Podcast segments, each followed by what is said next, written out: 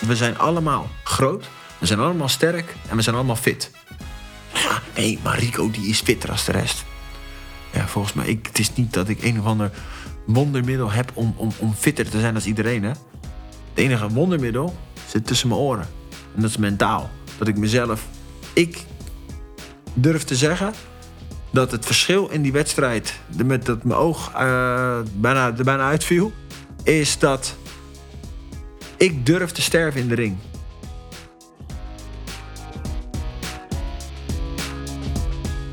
Rico Verhoeven is Nederlands bekendste kickbokser. Hij werd in 2014 wereldkampioen zwaargewicht en verdedigde zijn wereldtitel daarna tien keer met succes. Op dit moment is hij herstellende van een zware knieblessure, waardoor zijn titelgevecht tegen de Kroaat Antonio Plazibat noodgedwongen moest worden uitgesteld. Naast kickbokser is Rico vader van drie kinderen en acteur. In april heeft hij voor het eerst de hoofdrol in de internationale film Black Lotus. Dit is Helden de podcast. Je gaat luisteren naar een gesprek tussen Rico Verhoeven en Barbara Barend en Jasper Boks van Helden.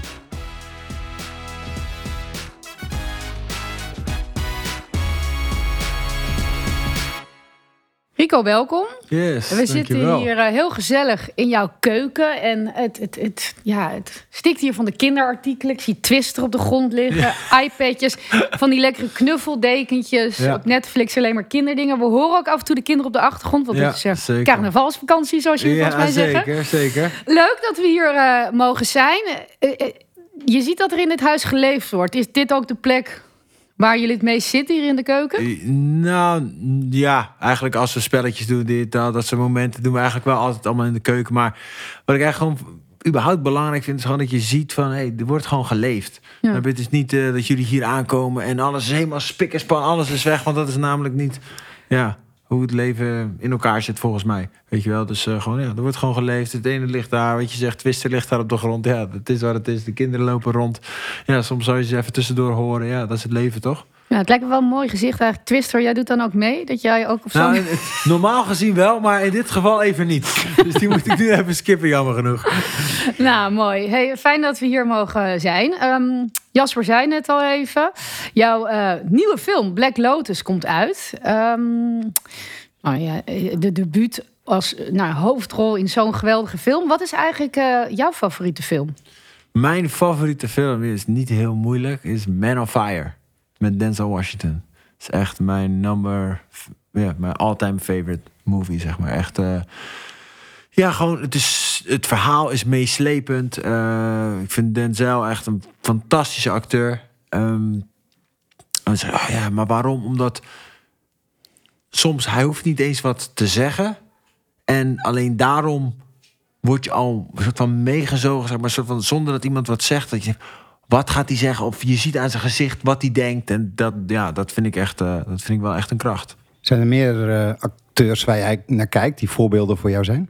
Ja, zeker. Ehm, ik vind The Rock heel tof. Eh, niet per se omdat hij de allerbeste acteur is, maar wel gewoon hoe hij zichzelf presenteert en hoe hij zichzelf heeft neergezet. Ehm, Will Smith vind ik een belachelijk goede acteur. Matthew McConaughey, Leonardo DiCaprio. Dus ja, zijn, ja, het zijn gewoon. Ja, uiteraard. eh, hebben we natuurlijk Al Pacino, eh, Robert De Niro. Dus ja, dat zijn gewoon de, de greats natuurlijk. Heb je die gasten wel eens ontmoet die je nu opnoemt? Eh, een aantal wel, niet, niet allemaal, jammer genoeg. Maar ook dat, echt wel... ja, zeker. Zo Met echt, bijvoorbeeld met The Rock heb ik een, een aantal momenten gehad. Ehm, omdat ik heb hem twee keer geïnterviewd voor RTO Boulevard. Voor een van zijn nieuwe films. En in de eerste keer was in Hongkong. En toen was zat hij samen met de regisseur. Nou, een heel leuk gesprek. Nou, dit- ik ben totaal geen, geen journalist, dus ik heb geen idee hoe dat werkt. Maar blijkbaar heb je dus maar zeven minuten. Dus je hebt zeven minuten om te- je vragen te stellen en dan moet je weg. Dan komt de volgende. Nou, ik zat daar kwartier, twintig minuten binnen. Dus eh, ik had de dingen meegenomen, getekend, handschoenen aan hem gegeven en zo. Dus hij was ook helemaal excited. We hadden al daarvoor al contact gehad via Twitter, dus hij wist al wie ik was. Dus dat was al heel leuk. En de regisseur zat er ook naast. En toen stopte ik het interview met... Oké, guys, top, dit was het. Ik zeg, eh, als jullie ooit wat hebben, denk aan mij. Want ik, oké, ik ben een sporter, maar ik wil graag ook gaan acteren. Nou, en toen heb ik met de regisseur andere eh, contact gehad via Instagram. Ehm, nou, na het interview, oh wat leuk, weet je, deed je toch leuk, weet je, ondanks je geen journalist bent, top, goed gedaan. En toen anderhalf jaar later kreeg ik een DM van hem van, hey, ik heb over twee weken een eh, te gekke vechtscène samen met, eh, met DJ, met Dwayne Johnson, eh, waar jij te gek voor zou zijn. Wil je dat? Ja, let's go. Dat was 2020. Dus, maar dat was dus binnen twee weken. Nou, en het was in eh, Atlanta. En toevallig was ik al in Amerika op dat moment. Eh, samen met mijn beste vriend, Jozef Klibanski. En ja, ik zeg, let's go, ik ben er, weet je wel. Alleen, ik kon dus niet binnen twee weken een visum eh, voor elkaar, een werkvisum. Dus, ik zeg, oh, man, we krijgen, ja, het kan dus niet. Dus ik zei wel tegen Jozef, want wij waren in Los Angeles en Atlanta ligt letterlijk aan de andere kant. Dus ik zei, wat we gaan doen is, we gaan wel naar de set toe. Weet je, zeg, mogen we wel naar de set? Ja, tuurlijk, je bent meer dan welkom. Dus toen zijn we eh, letterlijk een dag op en neer gevlogen. Zijn van LA naar Atlanta gevlogen. Hebben we daar, eh, ja, zijn we naar de set geweest. Ja, met al die gasten. ehm, ja, was, ja, dat was gewoon te gek. En nou, ook eh, The Rock natuurlijk. Yo, Rico, God, I heard the story, man. Oh, one way or the other, we're gonna do something together one day. Dus dat was wel, eh, was wel ja, heel tof natuurlijk. Dus daar heb ik daar gewoon lekker de hele dag gehangen met, ja, met iedereen. Ryan Reynolds, eh, het, Dwayne Johnson, eh, nou, die regisseur. ehm, ja, Ross en Turber. Dus het was echt, eh, was echt heel tof. Mooi. Het is voor de mensen die, als je luistert, je kijkt als een kind in de snoepwinkel. Als jij het over die mensen hebt. Terwijl heel veel mensen denken, als ze het over jou hebben, jou mogen ontmoeten, zo kijken. Dus het is gewoon mooi om te zien hoe. eh, Ja, maar het is gewoon, kijk, en het is niet zo van dat ik denk, oh wauw, maar het is wat ik, ik vind, ik, ik, ik vind ehm, het gewoon heel mooi wat hun doen. En, en dat is het toffe ervan, want hun hebben dat andersom naar mij. Ja. Dus dat is, dat is dan heel raar natuurlijk. Ik denk van, hoe bedoel je? Denk ik, ik, kan, ik kan alleen maar vechten, hè, denk ik dan. Maar, nee, maar hun vinden dat, die topprestatie natuurlijk eh, weer, weer te gek. En daarom zit je heel snel op een soort van gelijkwaardig level met elkaar. En dan ja, connect dat gewoon, eh, gewoon heel makkelijk. Gaan we het straks nog uitgebreider over hebben. Met een, eh, want we hebben best wel wat fragmenten, maar ook hè, met wie jij connect en levelt. Niet per definitie eh, boxers of kickboxers. Maar je bent natuurlijk vechter. Dat is wat ze in jou bewonderen. En ehm, ik wil graag eh, iemand jou even wat laten zeggen. Die veel voor jou betekent. ik ben heel benieuwd. Rico is een eh, hele sterke jongen, zowel mentaal als eh, fysiek. Maar daarbij ook een hele lieve en loyale jongen. Hij is altijd vastberaden en eh, ja, hij gaat gewoon voor zijn doelen. Dat is, eh, dat is wel duidelijk. Het is echt een, eh, ja, als hij iets wil, dan gaat hij er niet 100, niet 200, maar 1000 procent voor. Ik denk wat ons vooral bij elkaar brengt, is eh, de wil om altijd weer een stapje verder te gaan, een stapje beter te worden, kijken naar nieuwe mogelijkheden en eh, elkaar daar ook in triggeren, zodat je altijd een betere versie van jezelf wordt. Inmiddels eh, zijn we over anderhalve maand, 17 jaar bij elkaar. En eh, trainen we dag in dag uit, maar natuurlijk ook allerlei andere dingen die we bespreken. Het is gewoon de helft van Rico's leven. Hij wordt 34 jaar, dan ben ik inmiddels de helft van zijn leven in zijn leven. Ik wens Rico vooral heel veel geluk en succes in zijn leven. En vergeet niet, waar Willis is een weg. Maar dat heeft hij al heel vaak bewezen. En eh, ga zo door, jongen. Dan komt eh, altijd alles goed. Volg je dromen. En dan eh, weet ik zeker eh, dat die uitkomen. Ja, we horen Dennis Krauweel, jouw trainer. Eh, bijna vaderlijk, eh, huwelijk bijna. zo- Ja, ja, ja. Ze- ja. Ja, heel intens. Die kom ik wel binnen, omdat... Ja, wat, wat je zegt, je, we zijn... Ja, ik moet lachen, omdat... Zeg, ja, we zijn al 17 jaar samen. Ja, het is bijna, ja, het is bijna een relatie, zeg maar. Ehm, en dan ja, op zoveel verschillende levels van vaderfiguur, trainer, vriend. Je hebt inmiddels, ja, we zeiden het net al, sinds 2014 de wereldtitel in bezit. Eigenlijk jullie samen. Jullie hebben samen, sa- samen de, Officieel het is 2013. maar- Ja, oké. Ehm, maar je raakte inderdaad geblesseerd in aanloop naar de elfde keer dat je je titel zou gaan verdedigen. Hoe gaat het nu met je herstel? Ja, dat gaat langzaam maar zeker. Eh, Naar, mij gaat het, naar mijn mening gaat het altijd te langzaam. Het kan altijd sneller. Alleen, ik doe er letterlijk alles aan om, om het zo snel mogelijk eh, te laten verlopen. En ja, het is gewoon echt een, eh, een mentale, mentale en lichamelijke uitdaging.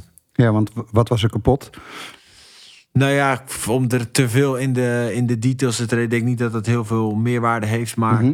Ja, die knie lag eh, goed aan diggelen, zeg maar, om het maar even zo te zeggen. Dus ze moesten hem eh, ja, goed weer terug eh, in elkaar stoppen en aan elkaar maken. Dus ja, dat is gewoon frustrerend. Frustrerend. Je gaat, er komen er zoveel dingen die, die mentaal gebeuren. Je gaat twijfelen aan jezelf. Van hé, hey, waarom je dingen zou, je, wat zeg je, dingen jezelf afvragen. Van waarom gebeurt dit? Ja. Doe ik dit al te lang? Word ik te oud?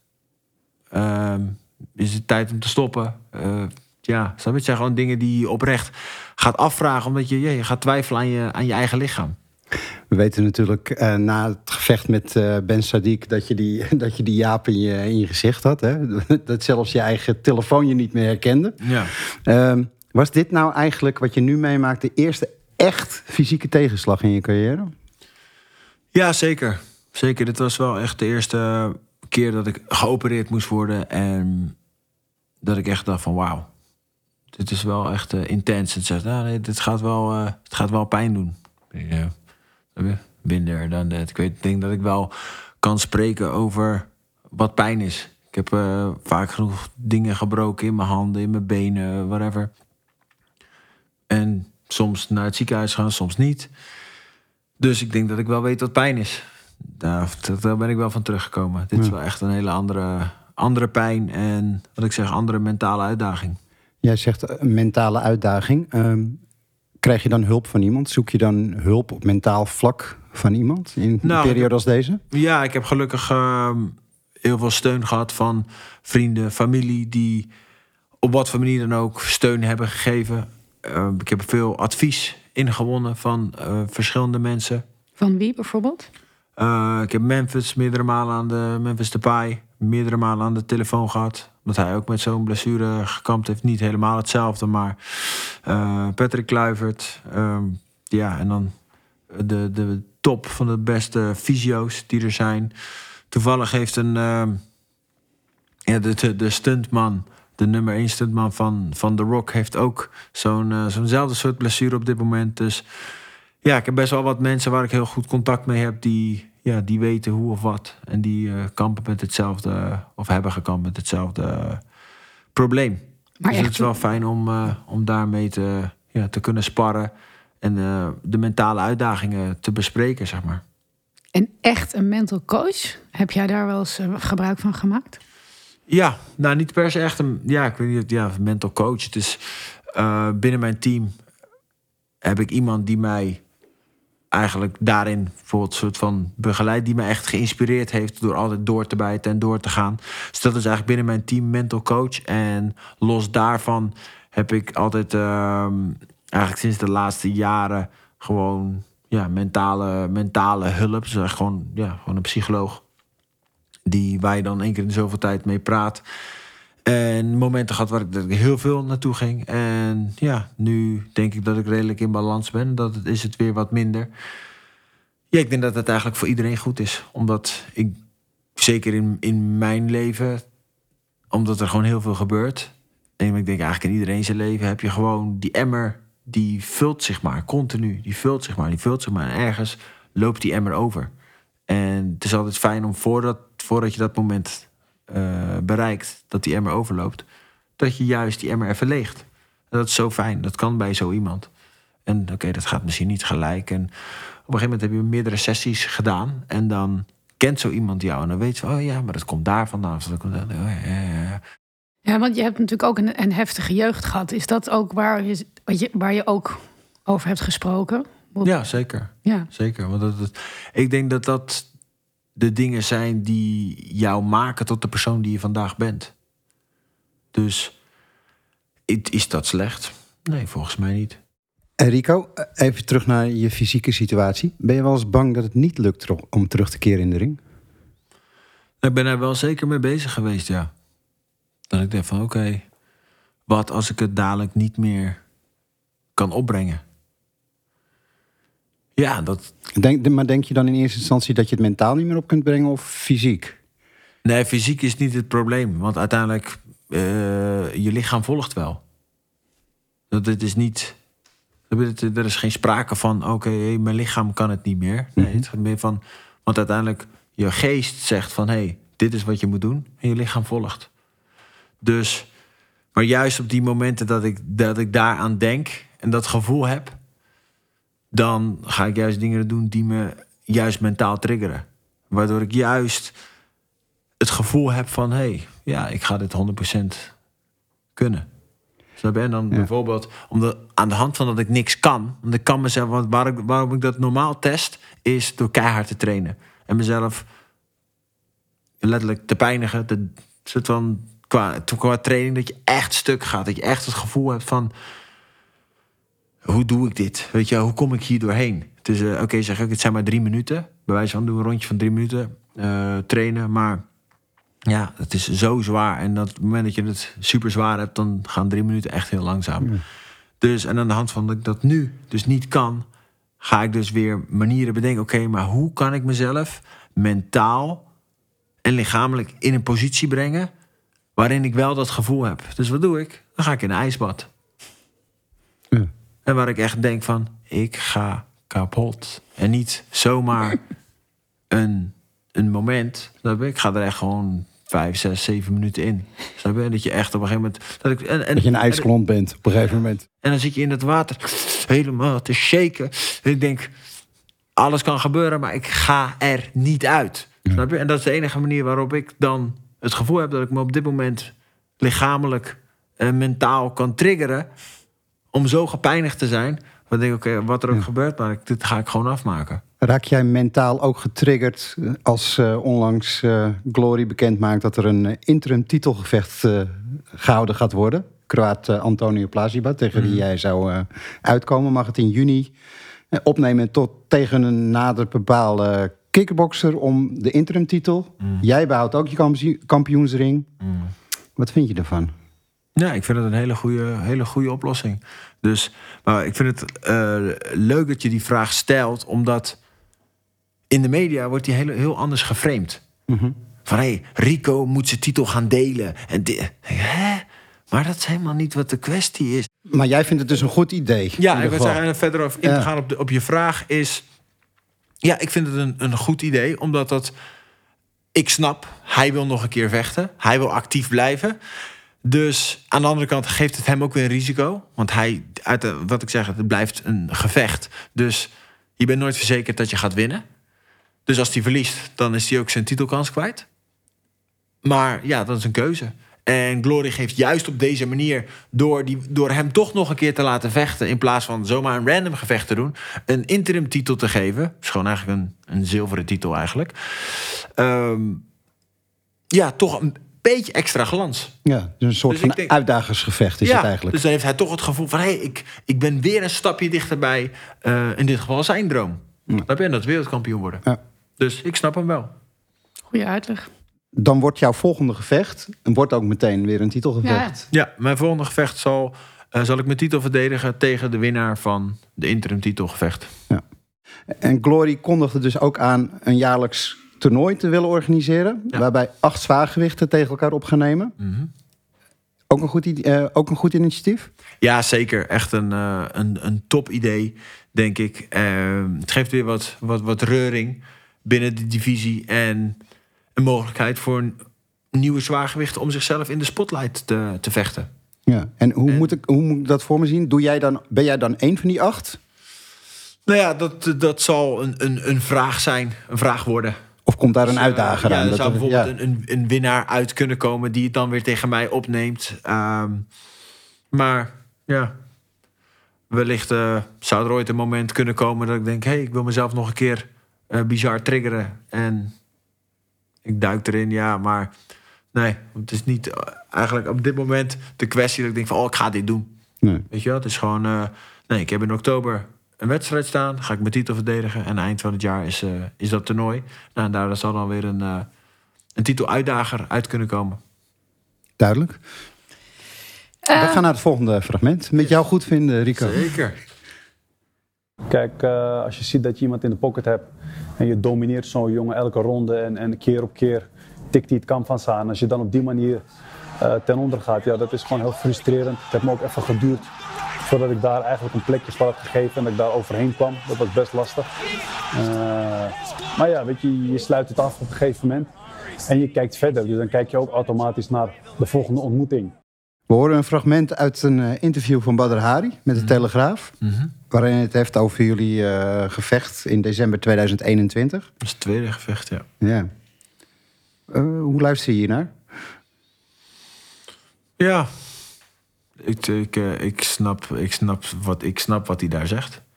Het is niet dat ik vind dat hij gelijk heeft, maar ik, begrijp wel wat hij daar zegt. Ja. ja. Dus Ja, altijd geblesseerd opgegeven, toch, tegen jou? precies. Dus dat is de, ja, uiteindelijk als we de, de, de feiten bekijken. ehm, kijk, wat, wat ik zeg, wat hij zegt klopt. Hij heeft met eh, twee keer neergeslagen die wedstrijd. Maar ja, voor de rest had ik wat dat betreft niet heel veel schade. Nee. Ik denk dat ik in die wedstrijd veel meer schade heb aangericht. dan dat hij heeft aangericht. Dus oké, hij, hij tikt me aan. Oké, ik zak door mijn benen. Ik sta weer op en ik ben nog steeds daar. En uiteindelijk is de wedstrijd pas gevochten als de vijf rondes voorbij zijn. ja. En dus dat is eigenlijk hetzelfde als met elke voetbalwedstrijd. Je kan tot de tachtigste minuut 2-0 achter staan. En in de laatste vijf of tien minuten drie goals maken. En dan win je alsnog. ja. Dus ja, de fight ain't over till it's over. Snap je? Dus tot- totdat de laatste bel is gegaan. En dat is hoe ik er altijd naar kijk. En dat blijft mijn eerlijke mening daarover. En dat, dat, dat weet hij ook. Dus ja, je kan... eh, wat ik zeg, in, de laatste, in, in een van zijn laatste, eh, laatste wedstrijden... was hij zwaar aan het domineren. Sloeg hij iemand drie keer neer. Krijgt hij een hoge trap en is, is, het, is de wedstrijd afgelopen. Dus het blijft een gevecht. Je kan het niet bepalen. Je kan niet zeggen dit of dat. Want je moet continu je handen hoog houden, continu scherp blijven. En zeker in de zwaargewichtdivisie kan het met één klap of trap over zijn. En dat weet hij als geen ander. Dus ja, deze wedstrijd was zeker nog niet, eh, nog niet uitgevochten.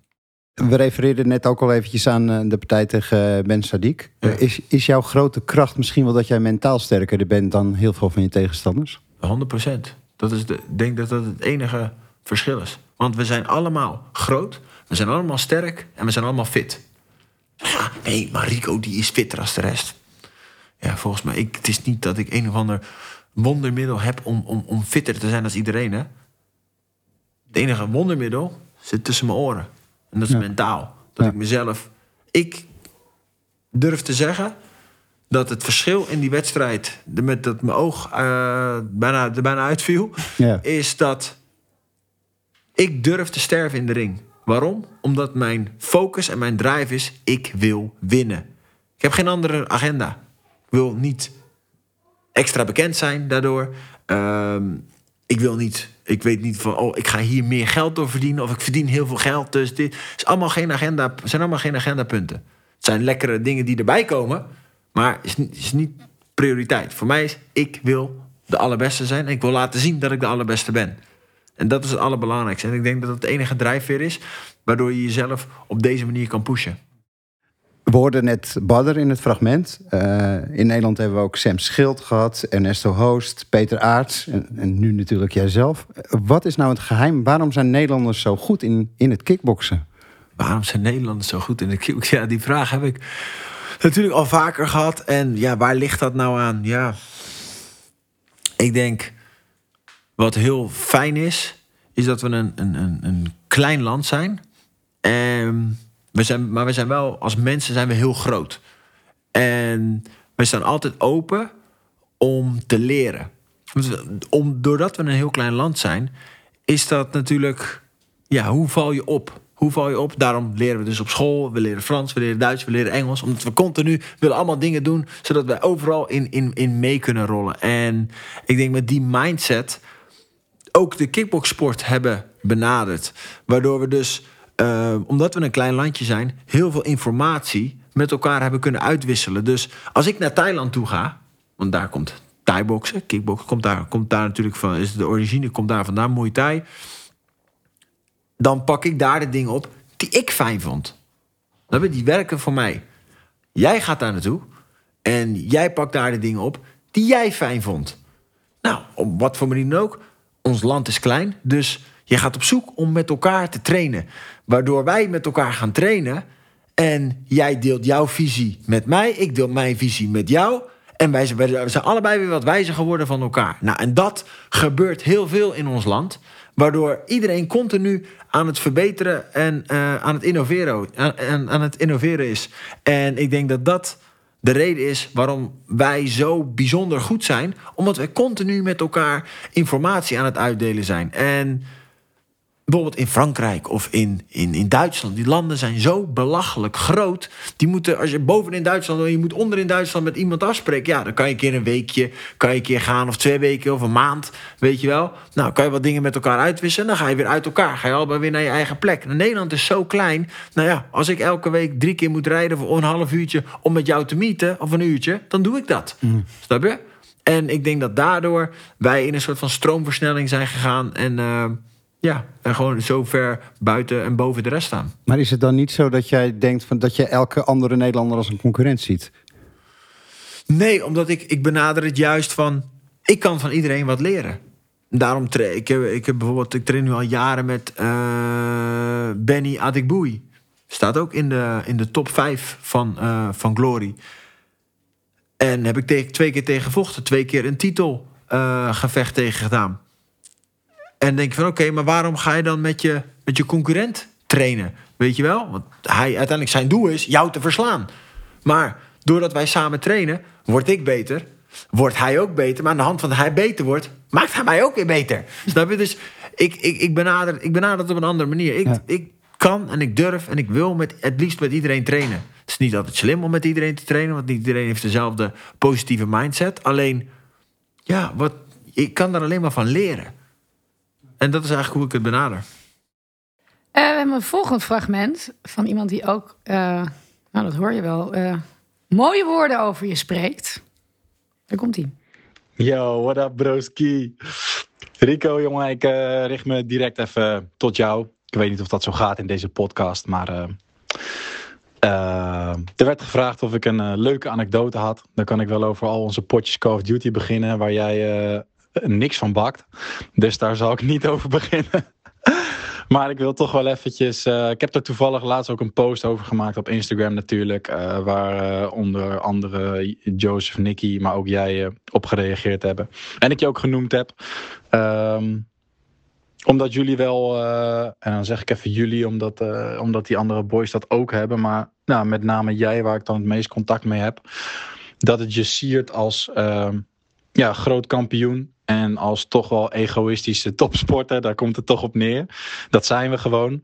Maar dat jij um, door al dat harde werken je succes hebt behaald. En dat succes wil je ook delen. En daar onderscheid jij je zeker in ten opzichte van andere topsporters die ik uh, ja, om me heen heb gehad in mijn carrière. En ja, daardoor klikt het ook gewoon super lekker. Maar jij, uh, het siert je ontzettend dat je, dat je andere mensen gunt. En um, ja, door je, door je succes heb je ook uh, leuke, leuke deals binnengesleept natuurlijk. Maar zelfs dat, uh, dat wil je delen met je, met je, ja, met je matties. En uh, ja, daar ben ik je, en dan gaat het even over Ducati natuurlijk, maar ben ik je gewoon super dankbaar voor man. En vind ik het echt tof om daar eh, deel van uit te maken. En ja, één, dagje lekker rijden met z'n allen in de zomer is gewoon zo lekker om al die stress van het trainen, het, uh, uh, ja, het, focus even los te laten en gewoon lekker op die motor te zitten.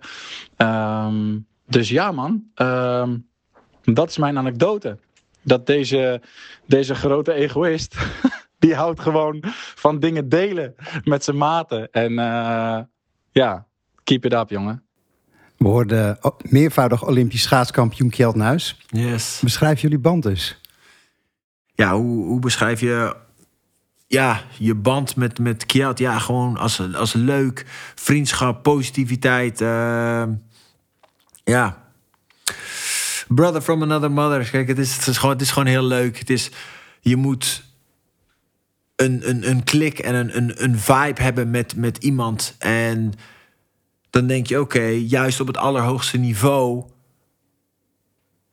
gaat dat heel lekker. Omdat we, we, we begrijpen elkaar allemaal. We begrijpen allemaal wat je nodig hebt en welke mindset je nodig hebt om daar te zijn en daar te kunnen staan. En dat, dat werkt gewoon heel lekker. En het, eh, eigenlijk een van de eerste momenten eh, die ik met Kjeld had toen... dat was een iets minder ge- positief iets vanuit, vooruit mij. Superleuk voor hem en ik gunde het hem echt. Maar ik was zo trots dat ik was, voor het eerst was genomineerd... voor Sportman van het jaar.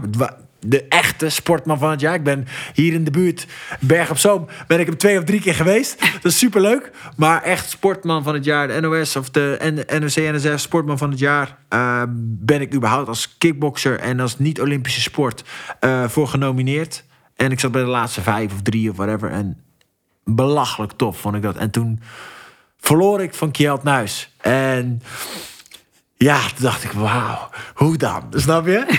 maar omdat ik zo dacht van, ik ben nu zo dichtbij. En ja, weet je, deze man, deze man heeft natuurlijk zo belachelijk veel goede prestaties geleverd. Dat ik denk, ja, je kan er ook niet onderuit. Deze man is ook echt top. Dus nou, dat was ook leuk. Dus daar hebben we ook, eh, ook eh, vaak enorm om gelachen. En nou, daar is eigenlijk onze, onze eerste contact geweest. Waar ik eigenlijk een pak rammel kreeg tussen, eh, tussen haakjes van, uh, van Kjeld Nuis. maar, eh maar superleuk. En nou, toen hebben we eigenlijk, eigenlijk contact gekregen. En, en heel leuk en positief. En ja, zeg, later belde hij me, belde hij me een keer op. En dat vond ik zo tof dat hij zei van... Hey Rick, luister, ik vind het zo mooi wat jij doet allemaal. En je Instagram ziet er zo gelikt en goed uit. Weet je, allemaal mooie foto's, dit, dat. En al die deals die je maakt. Maar hoe doe je dat nou? Weet je, hij zegt, ik heb geen idee. Hè. Zou je me daar advies in kunnen geven? Nou, dat vind ik al heel tof. Dus dat je eigenlijk echt aan de plafond staat van wat je doet. Maar dat je open staat weer om te leren. En om advies te durven vragen. Heel veel mensen die top zijn, durven geen advies meer te vragen. Denken, hé, ja, iedereen vindt mij tof en iedereen vindt mij geweldig. Dus ik zal alles wel goed doen. Maar eigenlijk wil ik zelf ook een beetje sturing in bepaalde dingen. Nou, en hij belde me gewoon op en hij vroeg het gewoon. Dus dat heb ik dus gedaan. Eh, nou, gezegd wat mijn visie daarin was. En nou, eigenlijk om samen te vatten, zei ik gewoon van... doe gewoon wat je leuk vindt. Ook de partnerships en de deals die je aangeboden krijgt. Kies wat je leuk vindt. En dan kan je eigenlijk niet fout. Er zat natuurlijk nog heel veel aan, voor, aan vast en. Maar los daarvan, dat was eigenlijk de bottom. Oké. En wat hem dan nog meer siert... is dat hij mij dus zes maanden later... dus toen hadden we niet soort van wekelijks contact... Zes maanden later belt hij mij weer op. Hij zegt, Riek, luister, ik heb dat ding wat jij mij gezegd hebt... Heb ik, ik heb al die dingen toegepast, ik heb het gezien. Ik zeg, het ziet er echt gelikt uit. Super trots, doe je echt heel goed. Hij zegt, maar ja, ik heb gewoon dit, dat, dat, deze deals... allemaal, allemaal gepakt de afgelopen maanden. Hij zegt, niet normaal, thanks man, echt. Ik vond het zo tof, ik waardeer... En dus los dat je het advies vraagt... dan later ook nog een keer opbellen... om nog een keer dankjewel te zeggen voor het advies... Ja, dat, dat geeft gewoon aan wat voor, wat voor mens je bent. Want ja, ik heb zoveel mensen eh, advies gegeven op dingen. En dat je denkt van. En nooit meer wat van. Niet dat je er pers iets van wil horen. Maar als je er dan wat van hoort. Dat je denkt: wauw, dit is, echt leuk. En dat, dat geeft gewoon aan wat voor persoon eh Kjeld is. En, en dat is ook de reden waarom, denk ik, wij, eh, wij zo goed klikken. Dus. Ja, dat is, echt een, eh, wat ik zeg, echt, echt een, top, een topper. Gewoon in, in hart en nieren. Dus los van dat het een geweldige sportman is. En een van de beste, of de beste, op zijn afstand in, in het schaatsen. Ehm, ja, het nog belangrijker vind ik een, een supermooi persoon. Eh, maar goed, het zegt heel veel over hem, maar het zegt dus heel heel veel over jou. Want jij bent dus ook niet egoïstisch, want je deelt ook graag. Heel graag. en de heel graag. vreugde die je beleeft als een ander dan deals krijgt, is ook wel mooi. Dan, heb, Zeker, denk maar je, dat is dan denk je niet bij jezelf, had ik maar. Nee, maar dat is toch het mooiste wat er is. Ja, nee, maar dat is ook- Want het is, ik, ik denk dat dat ehm, in het stukje van hoe we het leven eh, zien en hoe ja, ik dan persoonlijk leef in een, in een glazen huis. Wat super mooi is, waarin ik mensen blij kan maken, waarin ik mijn succes kan delen met, met vrienden, met, met andere mensen, waar ik mensen kan motiveren en steunen in bepaalde situaties waar ze zich op dat moment in bevinden dat er ook een heleboel andere kanten aan, aan zitten. Wat die andere kanten zijn waar Rico het over heeft, hoor je in deel 2 van de podcast met Rico Verhoeven. Daarin vertelt hij ook over zijn gezinsleven, zijn drang om een goede vader te zijn en de start van zijn carrière als filmster.